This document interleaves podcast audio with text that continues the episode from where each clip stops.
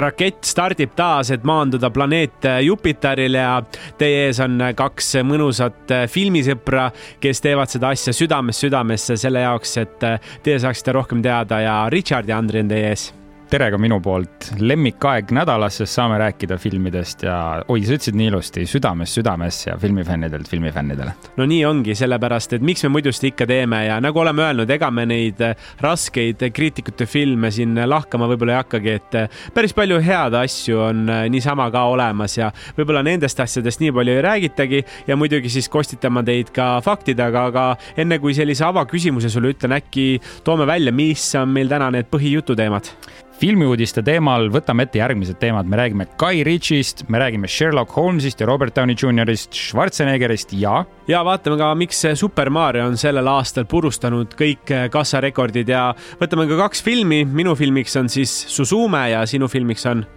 jaht sarimõrvarile, nii et lähme sellise animefilmi pealt väga pingelise krimipõneviku peale. ja, aga enne kui siin jõuame üldse asistemate teemadeni, siis tahtsin küsida, Richard, ma tean, et sa käid vähemalt kord nädalas kinos, eks? on mul õige info? Vähemalt. no vähemalt on ju, nii et aasta keskmine tuleb selline korralikult viiskümmend kaks eh, kinofilmi ikka, aga miks sa teed seda, see tundub täitsa hullumeelne. miks sa tahad iga nädal kinos käia, ma küsin sõprade käest ja sugulaste käest, noh, mul sugulased näiteks ema-isa käivad üks kord aastas võib-olla kinos ja no sõbrad ka selline kord kuus maksimaalselt, aga ma ei tea, ma käin iga nädal, sa käid iga nädal, miks? ma küsin sult vastu, miks sa hingad? miks ma hingan, ma ei tea, mõnus on no just, see on nüüd juba okei okay., selles mõttes filmid ja hingamine võib-olla ei käi päris nii käsikäes, aga minu jaoks ilmselt, äh, no minu jaoks ilmselt käivad, et ma ei kujutaks oma elu ette ilma filmideta, ilma kinos käimiseta, aga ma arvan, kui ma peaks nüüd niisuguse ühe kindla põhjapaneva vastuse välja mõtlema, siis mul on tarvis seda eskapismi saada filmide näol ja mulle meeldib see suur efekt, mulle meeldib see võimas kinosaal no kõik see ja pluss, kusjuures snäkid on ka väga oluline osa minu kinos käigust, ma tean, et ma saan seal natuke patustada ja noh, vaatad midagi head ja noh, mis saab olla veel paremat ja kui keegi ei teadnud, mis eskapism tähendab, siis see on tõsielust tõsielust äh, põgenemine. Richard kasutab siin liiga, liiga raskeid sõnu juba, aga, aga ja mul on muideks sama põhjus võib-olla, et äh, väga palju räägitud sellest, et äh, üldse võib-olla kino selline osakaal väheneb, kõik läheb striimingutesse üle ja selles suhtes on õigus, et väga palju just toodanguid, kui me räägime sarjadest, kui me räägime filmidest, Netflix on ju väga palju head tööd teinud ka filmidega viimasel ajal ja, ja on toonud selliseid põnevikke meie ette et, et kardetakse, et see läheb kuidagi ära, aga ma tahaks öelda, et see suure ekraani kogemus, et äh, väga vähe inimesi on, kes jaksab osta endale nii suurt, äh, nii suurt ekraani, nagu seda kinos on ja, ja kuidagi luua seda õhustikku, eriti kui sa käid kinos, kus on äh, väga palju saale ja on just mõeldud ka selle peale, et kuidas inimene seal tunneb, siis sa tuled juba sinna sisse. see on samamoodi nagu sa lähed teatrisse või kooli või tööle, sul on mingi õhkkond, seal on mingid inimesed, seal on mingid snäkid, nagu sa ütlesid ja, ja võib-olla seda ma armastangi, et seda õhkkonda mõelda. kodus võib ka, aga kunagi ei ole kodus tegelikult nii äh, filmiliselt hubane ja, ja üldsegi mõnus ja muidugi uued filmid ka. et äh, kui keegi tahab, siis kindlasti saab ka uue filmi kätte kuskilt torrentist, nii nagu sai siin kakskümmend aastat tagasi tehtud, aga just see uue filmi elamus saada suurel ekraanil heas kvaliteedis, see maksabki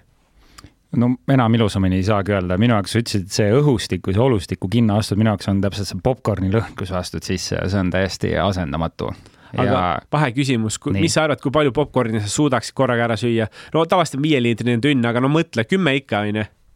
olen söönud kaks suurt popkorni ka ühe korraga ära, aga nüüd ma tunnen oma vanas eas, et enam nii palju sisse ei, ei suuda suruda. nüüd sa sööd seda väikest äh, kolmesaja grammist popkorni? no peaaegu, peaaegu, aga noh, torrentite asemel mainitasin siukseid ebaseaduslikke asju ai, ai, ai, pikki näppe kohe onju. ei, ma ütlen aga..., et seda kunagi kindlasti tehti, aga ei, ma arvan, et täna lihtsalt see osakaal on väiksem, inimesed kasutavadki streaming teenuseid ikkagi kino ja ma arvan, et äh, mu point oli see, et kino ei kao mitte kuhugi ära ei kao. nii et lootke, lootke aga ja ka Jupiter on siia tulnud selleks, et jääda, nii et äh, kui kinos ei käi, siis vaadake ja kuulake igast ägedat sisu Jupiteri platvormilt ja Jupiter ongi meie koduks siin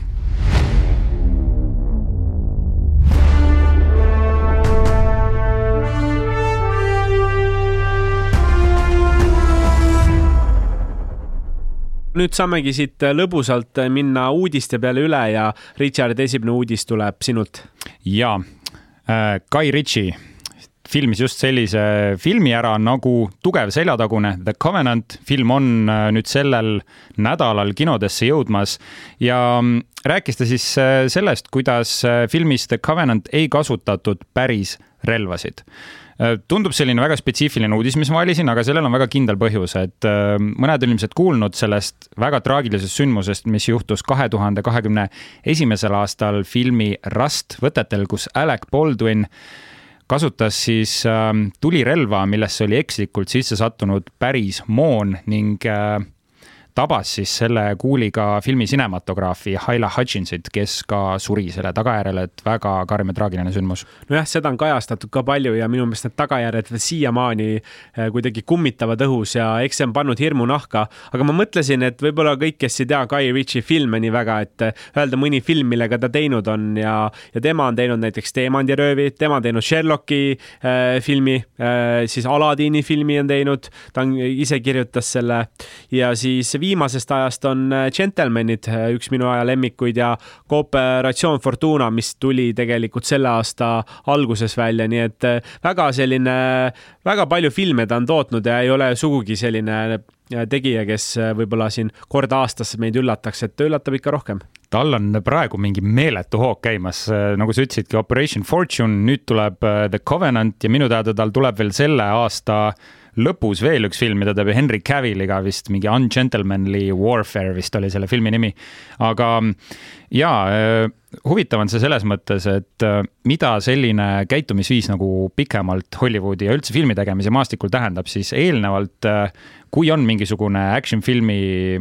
tulevahetuse stseen, eks ole, siis kasutati mm -hmm pärisrelvasid, millesse laeti sisse siis paukpadrunid. ja noh, need andsid selle hea efekti, et sul on ikkagi relvalt tagasilöök, sealt tuleb, viskab sädemeid, eks ole, tuleb ka see pauk. et äh, see kõik oli noh, üsna selline tavaline Hollywoodis, aga nüüd Guy Ritchie ütleski, et nad kasutasid airsofti relvasid filmis äh, Tugev seljatagune ja airsofti relvadel on see eripära, et nad suudavad nagu noh, neil on ka vaata see gaasiballoon sees ja ta tekitab sellise nagu noh, kuidas niisuguse gaasi tagasilöögi ka, et sul nagu natuke stimule-, simuleerib seda mm, päris relva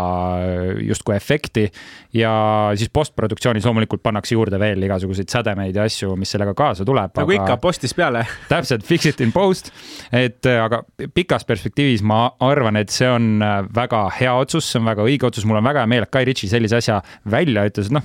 pealtnäha suhteliselt selline suvaline uudis, eks ole, et minu filmis kasutati, ei kasutatud päris relvasid. et um, võib-olla see muudab Hollywoodi, vaata nad praegu ei taju veel seda olulisust, aga kui see ikkagi nagu võtab suuremaid mõõtmeid, siis kõik teavad, et siit see sai alguse. jah, ja turvalisus ennekõike, nii et äh, hea töö, Guy Ritchie ja ootan väga tema uut filmi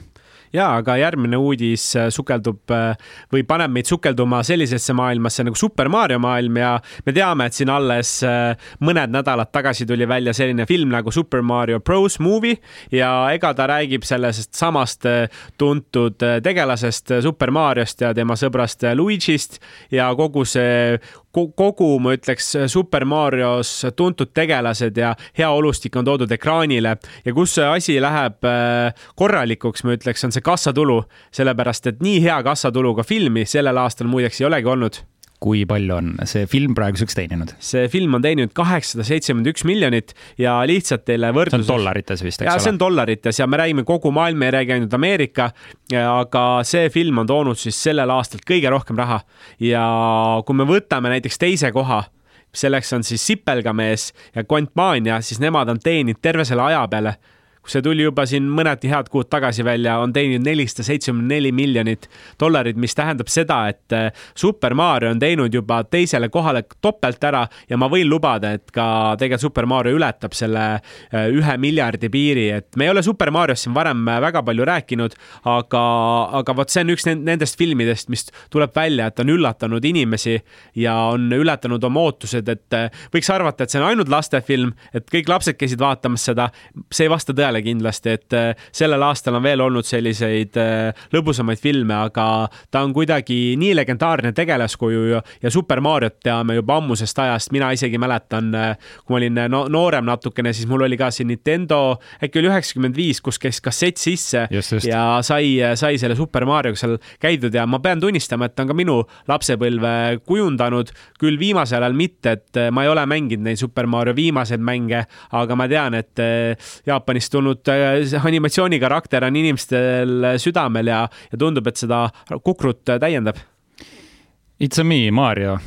täpselt nii, kõik, kõik teavad seda asja. Et... kui Chris Pratt vist äh, mängib Mariot, eks ole. tema loeb peale loeb seda. peale ja. seal oligi, et huvitav, milline tuleb tema hääl siis äh, seal filmis, et kas ta teeb seda Itaalia aktsenti. väidetavalt ei tee, ma ei ole ise seda filmi vaatamas käinud, aga ja loomulikult äh, no meeletu retro ja nostalgiatunne tuleb kohe selle Super Marioga ja sa ütlesid ka veel väga huvitava asja minu arust, et sipelgamees Quantmania on sellel aastal teisel kohal enim teeninud film ja need, kes on võib-olla tähelepanelikumalt jälginud filmiuudiseid, teavad, et sipelgamees no tegelikult failis Marveli äh, siis nagu standardite järgi, et meil on olnud väga madala kassatuluga aasta üldse ja mis on väga huvitav, et tavaliselt see aasta algus on ju tugev ja no nüüd jääb suve oodata, sellepärast et äh, suvel mitu head filmi on tulemas ja, ja ma arvan, et sealt tuleb ka uued rekordid, aga, aga noh, sellest me jõuame rääkida, et mis on need filmid ja, ja kuidas nad teha võivad, aga olgu siis öeldud, et jah, Super Mario, Mariole andis oma hääle Chris Pratt, siis Princessile andis oma hääle Anya Taylor-Joy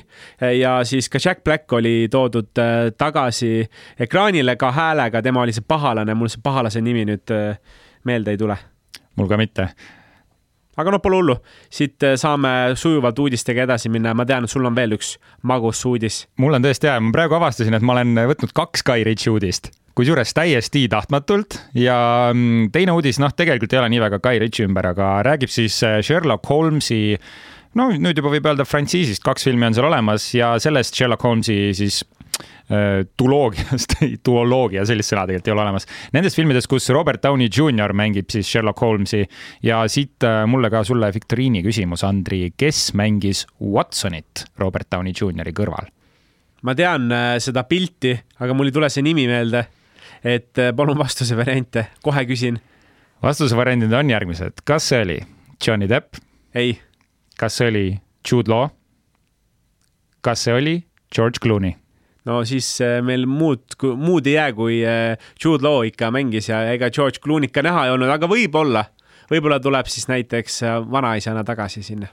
vot ei olnud, sul oli õige vastus ja täitsa Jude Law mängibki siis äh, seda kuulsat äh, Watsonit Holmesi kõrval ja uudis äh, siis Sherlock Holmesi kohta on äh, selline, et Sherlock Holmes kolm sai väga positiivse kommentaari ja läheb suure tõenäosusega töösse. Guy Ritchie on siis lavastanud eelmised kaks osa, filmid põhinevad Arthur Conan Doyle'i no legendaarsetel raamatuseriaali äh,, raamatutel ja produtsendid kohtusid siis Robert Downey Jr.iga ja mm, mõlema jaoks, nii Roberti kui ka produtsentide jaoks on Sherlock Holmes väga suure prioriteediga. Ja ma arvan, ja põhjus tegelikult, miks ma valisin ka selle uudise, on just see, et Robert Downey Jr pärast Marveli kinouniversumit no on veidi ära kadunud ja ta ei ole saanud puhkab. sellist, no puhkab, eks ole, aga ta on üritanud teiste frantsiisidega, ta proovis seal Doctor Dolittle'i uut versiooni no, teha, aga... siis mõned aastad tagasi, noh, superfilm, aga ei lennanud üldse, The Judge ja minu teada on ta siin veel mõne filmiga nüüd üritanud, et äh,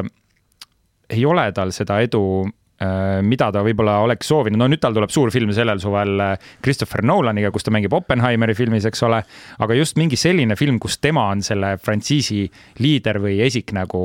noh, ma ei tea, kas peale Sherlock Holmesi on tal üldse midagi siukest veel? ja olgu siis öeldud, et Oppenheimer ei toimunud siin Tallinnas, nii nagu te näete pidin ütlema selle ära, et iga kord, kui me räägime Christopher Nolanist, siis tuleb mainida Eestit ka, et muidu nüüd, nüüd ei ole enam tagasiteed. oota, sulle ei helistatud või? ma olen ekstra ai, seal. pekki, no mulle ei ole helistatud ja noh, ega siis äh, ma saan aru, et sa käid kaks kuud ära ja saada siis äh, Robert Downey Jr siia, sellepärast et tal on juba film filmitud. ja, ja ma mängin tuumapommi selles filmis. okei okay,, selge aga läheme siit üle ühe teise mehe juurde, kelle nimeks on Arnold Schwarzenegger ja. kes see? No vot, Arnold Schwarzenegger, oled kuulnud sellisest mehest? Tutvust, tutvusta mulle. kõva musklimägi on ja on lisaks sellele, et ta on kõva kulturist olnud, siis on ka ta filmimaailmas tegusid teinud ja teame teda ju Terminaatori filmidest ja nüüd ta on ka olnud ju pikalt Ameerika Ühendriikides kuberner, aga no ega kuberneri töö kõrvalt näitlemiseks palju aega ei jää ja, ja peab üle kontrollima, mis see vanus tal on, aga ega see vanus on ka juba mehel, mehel päris, päris krõbe, aga minu tänane uudis ongi see, et, et tundub, et poliitika on Arnoldit äh, väsitanud ja ma sain, saan aru, et said ta vanusega teada vahepeal. ja ma vaatasin järgi, ta on seitsmekümne viie aastane. Korralik, korralik, et ega siin seitsmekümne viie aastaselt kõik näitlemist ette ei võtagi, aga nüüd siis äh, no täpset aega ei ole öeldud, kuna see film tuleb, äh, kinnitused on olemas, selline sisu on olemas ja see tuleb siis, filmi nimeks tuleb The Legend of Conan ja see tuleb siis järg äh, sellisele filmile nagu tuhande üheksasaja kaheksakümne teisel aastal koos Schwarzeneggeriga ilmunud film nagu Conan the Barbarian ja sellele tehakse siis järg, mis on nagu ühest küljest väga lahe, sellepärast et sellest ajast on juba nelikümmend aastat möödunud ja tuuakse siis äh, selline jätkufilm ühele vanale sarjale. minu arust on kaks lahedat asja korraga seal jah, no film, filmile, et see noh, filmis, filmisarjale. filmisarjale ma mõtlesin. ütlesid jah õigesti. no see on üks tema legendaarsemaid rolle jah, tõepoolest ja sellest üritati ka uus versiooni teha. Jason Momoa mängis seal Conanit. no filmil oli tegelikult palju sihukest potentsiaali, aga no see ikka tuli suhteliselt rämps kahjuks. et siin on lootust, et vana hea Arni toob siis kastanid tulest ja tuleb siit midagi, no sihukest mõnusalt machot välja, et ma ootan huviga küll. Ja ta on ikkagi pearollis ka, et äh, ta mängib siis äh, sellist vanemat Conani seal ja keskendubki siis tema elule ja uutele väljakutsetele just sellises vanemas eas, et äh, ma arvan, et action'i ja möllu saab, see on peamine ja muidugi Arnoldit eh, tahaks veel ekraanil näha, nii palju, kui teda antud on, nii palju tahaks näha ja, ja ma usun, teades seda Hollywoodi maagiat, siis eh, kindlasti jõusaali nüüd on minek ja teine asi on see, et postis tehakse ta veel võimsamaks. tead, ma arvan, et isegi ei ole vaja, sest Arnold on siiamaani suurepärases vormis ja sa ütlesid ka seda, et saab kindlasti möllu, saab action'it, no need Conani filmid on äh, sellised, kuidas nüüd inglise keeles kutsutakse, kutsutakse sword and sandal filmid ja fantaasiat on seal palju ja ta on suhteliselt selline R-rated ka nagu selle nii-öelda keelu, mis siis see eesti keeles on, keelureitinguga filmid. et seal on ikka verd ja seksi ja kõike ja särke-värke, roppusi lendab. et äh, ei ole väga palju selliseid, ütleme vana aja filme, kus oleks fantaasia ja ühtlasi oleks täiskasvanutele suunatud, et seal kindlasti on see publik olemas, et huvitav, kuidas nad äh, kasatuluga selle publiku üles leiavad. no vot, seda ei teagi, seda jääme ootama ja hoiame teid kursis, kui jällegi uusi selliseid põnevaid Hollywoodi uudiseid on selleks korraks uudistega kõik ja nüüd sukeldume sinna kõige magusamasse osasse ja me räägime nädala naelast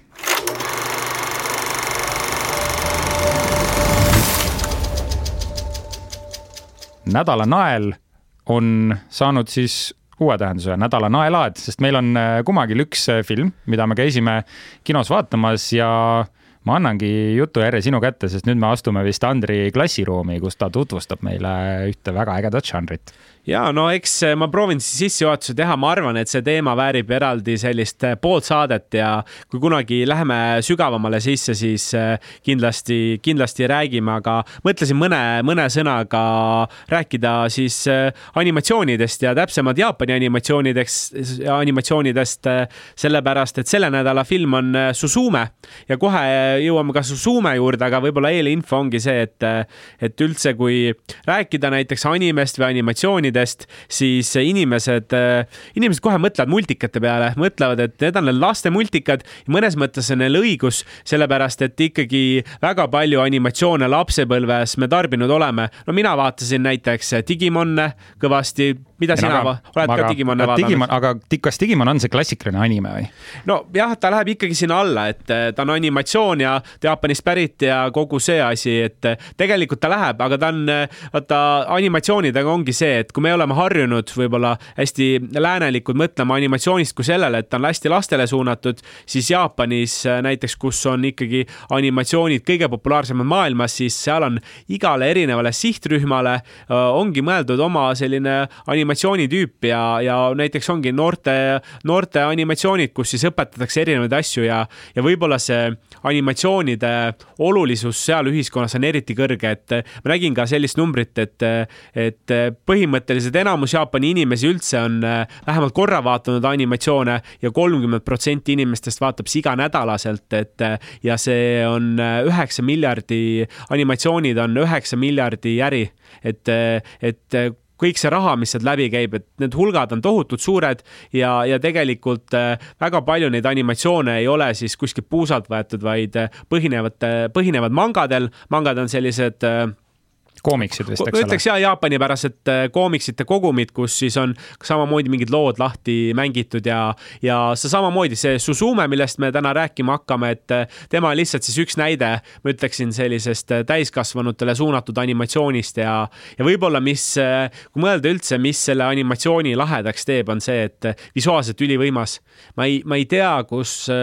mujal väga nii võim, võimsat animatsioone üldse näeks või et kogu see liikumine ja need värvid ja kogu see vaheldus on väga tugev. ja teine asi, mille peale näiteks äh, Jaapanis väga palju rõhku pannakse, on lugu. miks me ka näeme Aasia filme järjest rohkem äh, siin ruulimas, kui mäletame Parasiiti või Kõik kõigile korraga. tegelikult need on kõik Aasia filmid, mis on äh, toodud siis teistsuguse pildiga meie ette, aga kui nüüd vaadata motiive ja kogu seda tausta, siis need on täpselt samad, et väga tihti ongi motiivid seal näiteks sõprus, armastus, suhted ja kui me oleme harjunud läänepärased nägema, et need käivad kuidagi nagu nagu teistmoodi. Need käivad võib-olla mõnikord hästi lihtsalt ja selliselt äh, iseenesestmõistetavad, siis äh, selline ellujäämine ja eneses seismine ja kogu see hästi kirjeldab Jaapani animatsiooni ja, ja võib-olla kokkuvõtteks öeldagi see üks lause, et äh, ma ütlen, et seal on midagi kõigile lihtsalt tuleb leida see asi, mis sind huvitab, et kas sind huvitab näiteks äh, rohkem draama, sind huvitab näiteks selline armastuse teemad, sind huvitab korralik action või et, et leia nagu, kui sa tahad proovida,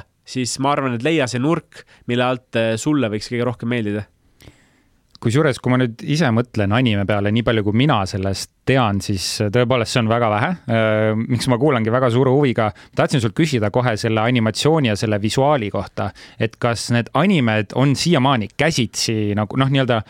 nagu multika vormis joonistatud või ma tean, et mingeid variante tehakse vist ikkagi ka anim-, no nagu. arvutiga. jah, eriefektidega, aga nagu see põhiline nii-öelda anime, mida mina tean, on siis nagu noh, nagu joonistatud multika sellisel tasemel, et kas ka see Suzume oli sellises, kas ta oli niisuguses arvutigraafikas või, või pigem niisugune käsitsi joonistatud graafikaga tehtud või on seal nagu mõlemat kasutatud? No kuidas, kuidas, kuidas see tundub? siin tuleks natuke jah, põhjalikumalt uurida, et kuidas see tehniliselt nagu toimib. mul on ikkagi tunne, et seal on seda klassikalist animastiili olemas, et see võib-olla eristabki seda teistest nagu näiteks äh, üldse animatsioonfilmidest, et ta ei ole selline Hollywoodilik ikkagi, on tunda seda Jaapani hõngu ja, ja muidugi tänapäeval on natuke lihtsustatud, väga palju asju ikkagi tehakse selles mõttes käsitsi, et need storyboard'id ja asjad äh, kirjutatakse ja joonistatakse ette, et ei ole sellist klassikalist äh, Hollywoodi animatsiooni küll aga nüüd, kuidas selle, kuidas see efekt saavutati just selle Suzume puhul, et siin ma jään vastuse võlgu, et muidu ma ütlen ära ja siis tuleb välja, et on äkki vale. ei, ma jah ei mõelnudki seda, mõtlesin, kas ta on just niisugune nagu noh, ta võib olla arvutiga tehtud, aga ta näeb ikka välja niisugune nagu multikas, mitte animatsioon, kui sa saad aru sellest vahest, mis ma mõtlen. Ma proovin. Ma proovin, aga ta on ikkagi, näeb väga Jaapani äh, sellises originaalstiilis äh, välja, nii et ma ütleks, äh, ma ütleks küll, et seal on kasutatud, no ma ütlen, tänapäeval kasutatakse mõlemat, see on fakt okei okay., ja tundub ka, et need teemad on tõesti päris karmid ja sa mainisid, et kuidas ta erineb sellest läänelikust ühiskonnast, et ta on siis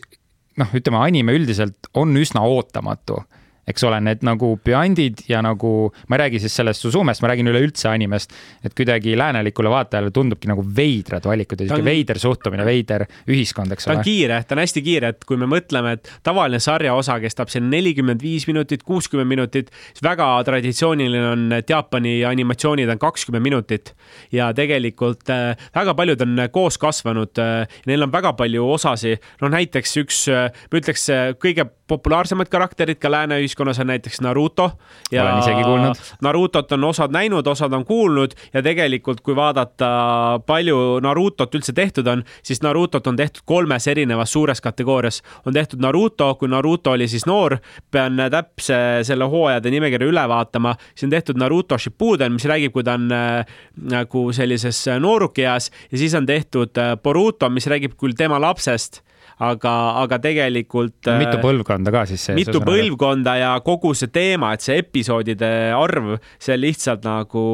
noh, see on uskumatu aga kui nüüd minna Suzume juurde, sa käisid seda kinos vaatamas, räägi, kuidas siis äh, film peale läks? millest see räägib üldse? ja see lugu räägib, ma ütleks armastusest, see räägib enese leidmisest, see räägib sellisest usaldusest, aga,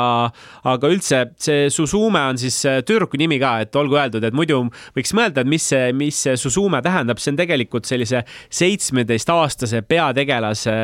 Suzume nimi ja, ja kogu lugu käibki siis äh, tema ümber ja, ja tema teekond hakkab sellisest väikesest Edela-Jaapani linnast ja kohtab seal ühte noormeest ja tegelikult noormees uuribki, et äh, lampide eest, et kas sa siin ühte ust näinud ei ole. praegu kontekstist välja rebituna tundub, et mis asja nagu, aga seal oli hästi loogiline, nad äh, möödusid üksteisest, nad kohtusid ja sealt ma ütlen, hakkas selline suurem lugu selle poisi ja poisi ja tüdruku vahel hargnema. aga kus asi läheb, ma ütleks natukene maagilisemaks, on see, et Suzumel on selline natuke müstiline taustalugu, et ta ei mäleta täpselt, äh, ta, tal vanemaid ei ole ja ta mäletab mingeid mälestusi oma emast ja mingist maailmast. ja tulebki nüüd välja, et kogu see trall ja pull hakkabki nende uste ümber käima, sellepärast et ustest tahab äh, sisse murda selline maagiline jõud, kes tahab planeeti ära hävitada ja Suzume rolliks jääb siis äh, ühiskonda ja maailma päästa ja teeb ta seda koos siis selle oma, oma leitud sõbraga. ja see on selline lühikokkuvõte, mis seal nagu toimub, ploti mõttes ise, igaüks peab ise vaatama. kas ma võin ära. küsida, mis ajastus see tegevus toimub, et kas ta on selline tänapäevane või ta on pigem selline vana fantaasia? ja tänapäevane, et seal on telefon, nutitelefonid on ja okay., ja, ja kogu see värk, aga, aga näeme ka natuke sellist maagilist poolt, seal on äh, mõned jumalad ja seal on ka mõned võitlusstseenid ja kogu, kogu sellist action'i poolt, aga eelkõige ma ütleksin, see on selline draama ja armastuse film, et ta ei ole võib-olla, kui keegi nüüd, äh, ma annan ka kohe täna ühe soovituse, et kui keegi tahab alustada, alustada, et kus alustada, aga olgu öeldud ära, et, et võib-olla ta ei, ta minu jaoks ei olnud ka selline, ta on väga hästi tehtud, ma vaatasin IMDB-s on tal seitse koma kaheksa hinne oh,. et hea. tal on tegelikult äh, väga hea hinne, tal on äh, väga head visuaalid, aga võib-olla see lugu minu jaoks ei olnud nii huvitav, et mind see armastuse ja draama teema lihtsalt ennast niivõrd ei köida, et mul seda armastus ja draamat on elus ka piisavalt palju, et mul ei ole seda vaja ekraani pealt vaadata, et selles suhtes ma nautisin seda filmi, aga aga ma ei tea, natuke jäi puudu, ma oleks rohkem lihtsalt möllu tahtnud, äh, möllu ja action'it tahtnud näha. Ja no ikkagi inimesi oli minuga veel kinos, et kui võiks arvata, et Eesti inimesed ei vaata, siis äh, päris palju noored muideks just on enda jaoks seda animatsiooni avastanud ja ikkagi kinos käivad ja mul tekkis kohe nende ustega see küsimus või selline nagu mm, kokkuviimine teiste filmidega, et väga teemas viimasel ajal on just selline multiversumite ja mingite portaalide kaudu nagu läbiminemine. mul tuli kohe, kui sa mainisid neid uksi, siis mul tuli Shang-Chi veidi pähe, mul tuli Doctor Strange veidi nagu meelde. et äh, kas see on, noh, see on vist äh, täiesti originaalne lugu, tähendab mingi asjal põhinev või siis ongi kuidagi sellise noh, kasutabki seda praegust trendi, mis on, on väga populaarne, sest ma, ma ei tea, Shang-Chi, ma mäletan, me vist käisime isegi sinuga koos vaatamas, seal oli ka mingi kuri jõud, mis tahtis läbi portaali jõuda, eks ole, inimesi siis vallutama hakata. see on tegelikult originaallugu, et seesama äh, siis režissöör on ka kirjutaja, nimeks on Makoto äh, Shinkai ja tema on teinud ka tegelikult sarnaseid teisi äh, filme ka, nii et tegelikult on originaallugu ja võib-olla on tõesti inspiratsiooni võetud, aga ma ütlen, et kui seda vaadates ei tundunud küll, sellepärast et kogu see maailm on ikkagi ehitatud natukene teistmoodi äh, üles, kuigi nendel ustel, seal neid uksi oli tegelikult veel pärast. ma lihtsalt ütlen, no see on nagu spoiler onju, aga noh, see ei ole vahet, palju neid uksi oli, et uksi oli lihtsalt veel, aga kõik hakkas ühe uksega peale ja, ja ega see teispoolsus tahtis nagu nagu üle tulla, et,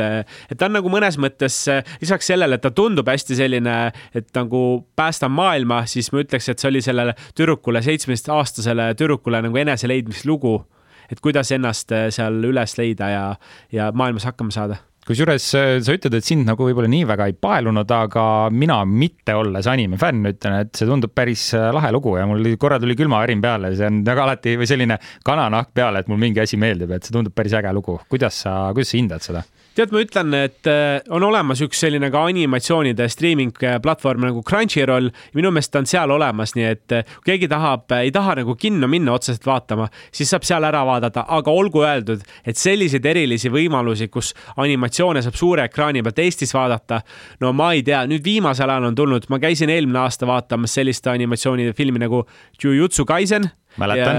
ja, ja, see oli väga lahe suure ekraani pealt, et neid ei teki väga palju, nii et eh, ma, ma paneks ta sinna keskmisesse kategooriasse, meil on kolm kategooriat, üks on see, et eh, ei soovita üldse, teine on see, et, eh, et no võin minna, aga ei pea minema ja kolmas on minna kindlasti. no kahjuks ta sinna ei lähe, minna kindlasti, et ta on pigem selline, et ei pea minema vaatama, aga kui see teema nagu huvitab ja sind animatsioonid huvitavad, et ta on juba žanrina ja kogemusena midagi teistsugust küll jah nii et äh, keskmine kategooria ja, ja täitsa selline,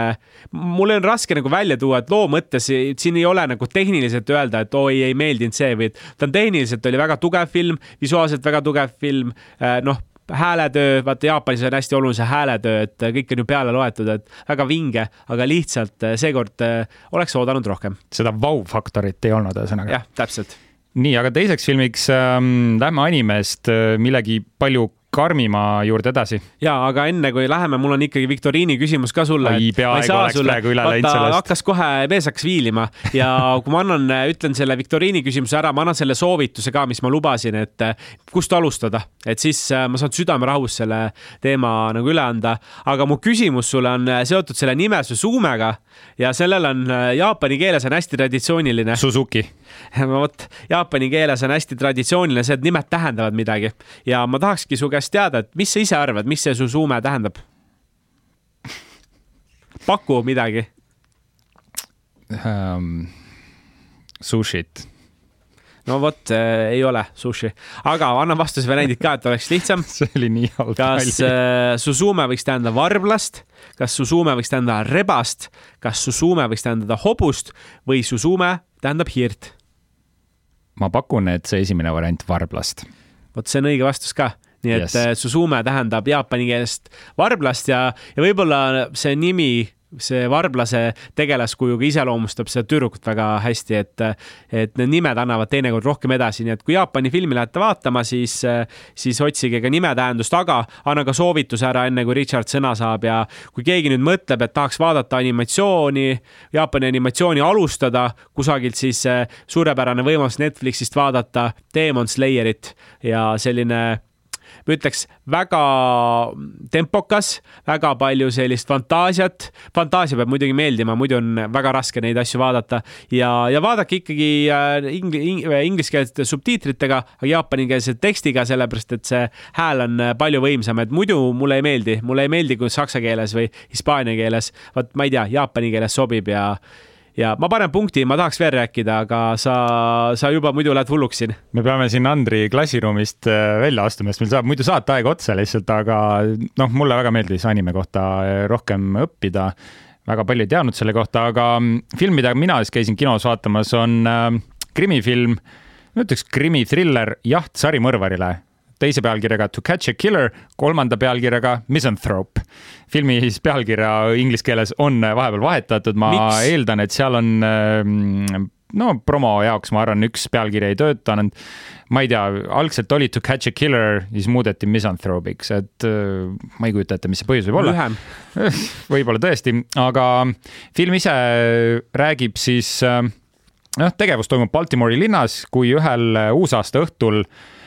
ilmub äh, pidust, pidustuste vahelt äh, välja üks sarimõrvar, kes hakkab lihtsalt pilvelõhkujate katuselt järjest inimesi snaiperrelvaga maha laskma. lampi või? väga karm, jah, film algab sellega, see on. sul ei anta mingit, sul ei anda, kusjuures väga sarnane sellele, ainult ilma selle huumorita ja hakkab lihtsalt järjest inimesi maha laskma ja lõpetab sellise massimõrvaga, mida hakkab siis meie peategelane, keda mängib Shailene Woodley uurima koos siis äh, Ben Mendelsoniga, kes on FBI poolt määratud selline äh, noh, vanem tegija, äh, uurija. ja vaatamegi siis sellist filmi, mis on väga sellise sirgjoonelise looga. meil on sarimõrvar, teda hakatakse taga ajama see sarimõrv, okei okay,, ma ei hakka, ma ei hakka lõppu ette rääkima.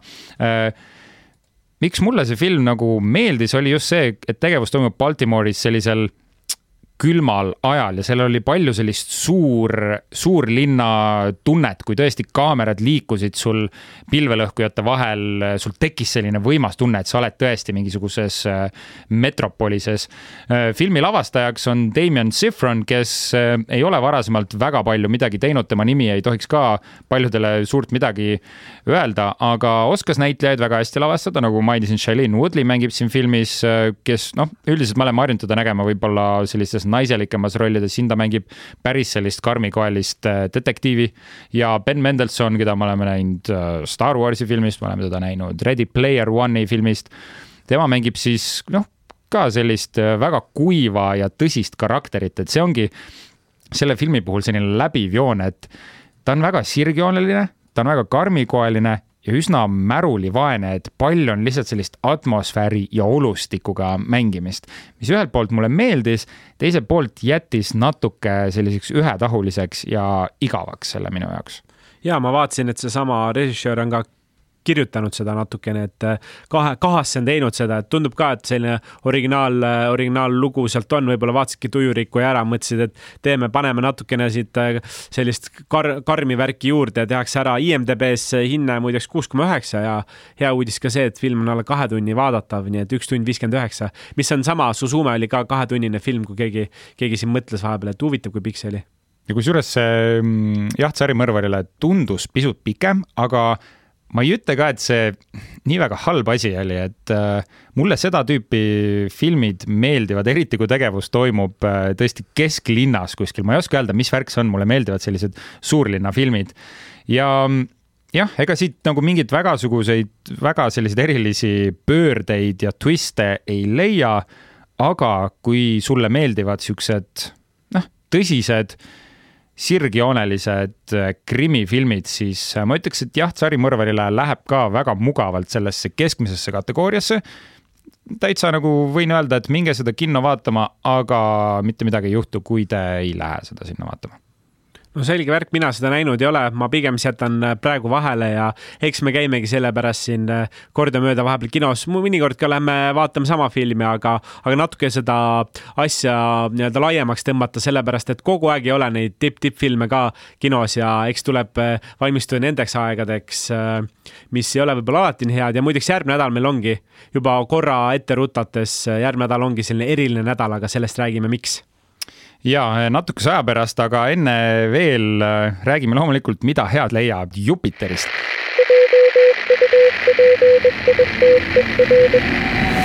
Jupiter on siis täiesti tasuta ERR-i voogedastusplatvorm, mis koondab kokku kõige parema ja ägedama sisu, mis tuleb ETV-st, ETV2-st, ETV Plussist, erinevatelt raadiosaadetelt, saad-, raadiokanalitelt. Ja ma olen siia välja valinud äh, selleks korraks ühe väga ägeda sarja, mille pealkiri on Harry Palmer Ipkresi toimik. Ja see räägib siis kuuekümnendatel äh, külma sõja ajal äh, toimuva loo, kus meie peategelane Harry Palmer on äh, sõdur Lääne-Saksamaal, kes on noh, selline nutikas, äh, tal on matemaatikuharidus, ta tahab midagi rohkemat kui lihtsalt sõduripoiss seal olla. Ja ta hakkab siis erinevatele pooltele, allilma tegelastele ähm, nagu müüma siis keelatud kaupu nagu mingeid lobstereid, vähke leiab seal mingisuguseid eh, väärisesemeid ja noh, tekitab endale sellise lisasissetuleku seal, kui ta ühel hetkel vahele jääb, pannakse loomulikult vangi selle eest ja tema poole pöördub äh, siis mees Briti salaluurest, kes ütleb, kuule, ma annan sulle võimaluse siit vanglast välja pääseda, kui sa tuled meile appi. ja loomulikult ta ütleb jaa, kes tahaks vangis olla, vaid äh, asubki siis sellise James Bondiliku salaluure agentuuri heaks töötama. Ja Harry Palmer, Ipcressi toimik on tegelikult kuuekümnendatel äh, filmi põhjal äh, tehtud uus versioon ja algselt mängis seda karakterit Michael Caine. et siin kindlasti ma mainin kogu aeg seda James Bondi, ma arvan, et see on läbi läbiv joon, et kui sulle meeldivad sellised spioonipõnevikud ja natuke ka sihukest äh, mänglevat huumorit, siis see sari kindlasti on sinule, et ma olen nendelt inimestel, nendele inimestele, kellele ma olen soovitanud seda sarja, on kõik öelnud, et no väga rahul oleme ja ma vaatasin üle ka hinne seitse koma kaks ja, ja tegelikult äh, paar aastat vana, ei ole jällegi mingi kakskümmend aastat vana sari ja, ja kuus osa on Jupiteris olemas, nelikümmend kuus minutit pikk, et selline paras Eesti sarja vaatamine, et päris Harry Potter ei ole, aga pigem nagu James Bond. just nii ja äh, sa juba mainisid korra siin, mida ägedat me järgmisel nädalal räägime no, meil tuleb väga eriline osa. me hoidsime saladuses, nüüd pinge kasvab ja nüüd on poolteist tundi trummipõrinat, sellepärast et me ei ütle, aga ei, ütleme teile ikka ja me mõtlesime, et äh, tahaks rääkida sarjadest ka, et kuidagi sarjad on äh, jäänud tagaplaanile ja võtakski ette siis äh, sarja uudiseid rohkem, räägiks, mis sarjamaailmas juhtuma hakkab ja, ja võtame ka, mis üldse sellel aastal on vaatamist väärt, et mida siis võib-olla fännid on öelnud, mida me ise oleme vaadanud ja, ja toomegi siin, me võib-olla nimesi veel ei ütle, et muidu pole mitte mingit põnevust, aga, aga et järgmine nädal tuleb kuulata, siis saab teada, mis sarjad on ja, ja võib-olla seda traditsioonilist joont ei, ei hoia selles vaates, et me ei võta ainult kahte, et, et natuke räägime laiemalt, võtame siin mõlemad, mõned mm, oma lemmikud ja mõned fännilemmikud ja, ja arvan, et seda põnevust on ja ma ise just äh, tahan ka seda värskust natuke rohkem tuua ja mm, kutsume jah, seda järgmist äh, osa siis sarjade eriks. Inglise keeles on hea sõna sellele TV special, kõlab päris mhm. hästi, et äh, aga ja, kui on veel näiteks soove just midagi sellist ehm, teistsugust, äh, mida te tahaksite podcast'is kuulda, siis äh, kirjutage Jupiteri Instagrami äh, DM-idesse, sõnumitesse jupiter.err.ee kontole, et mida te tahaksite siin saates veel kuulda, millest, millest me võiksime rääkida. aga kui ma kirjutan näiteks info, et jupiter.ee emaili, mis siis saab, kus see läheb? spämmi? See, selline aadress ei ole õnneks olemas. ai, kahju aga, aga jaa, selles mõttes Instagrami on äh, parem seda teha, sest et sealt, äh, noh, sealt saab kõige mõnusamalt kätte ja seal, kui leiate ka mm, sellenädalase episoodi promo, et siis võitegi vastata sellele samale videole. kuule, aga enne kui lõpetame, mõtlesin, küsin äh, siia lõppu, et kuna nüüd filmidest, no vale öelda, paus tuleb, siis kas on mõni film, mida sa ootad siin lähiajal, mis on tulemas? Mm.. ja sa oled mõelnud, et nagu tahaks, päris lahe oleks? on, on üks äh, väga jabur film tulemas, mida ma ootan ja kas see on see, mis tuleb juunis? see on see, mis, oota, kas see oli juuni, minu arust see, kas see ei olnud mitte mais ja selleks on loomulikult teine kiilakas äh, kaasvõitleja Vin Diesel ah,. Vin, Vinni poiss. kusjuures Vin Diesel on ju kaks filmi maikuus, tal tuleb ju äh, Galactica valvurid ja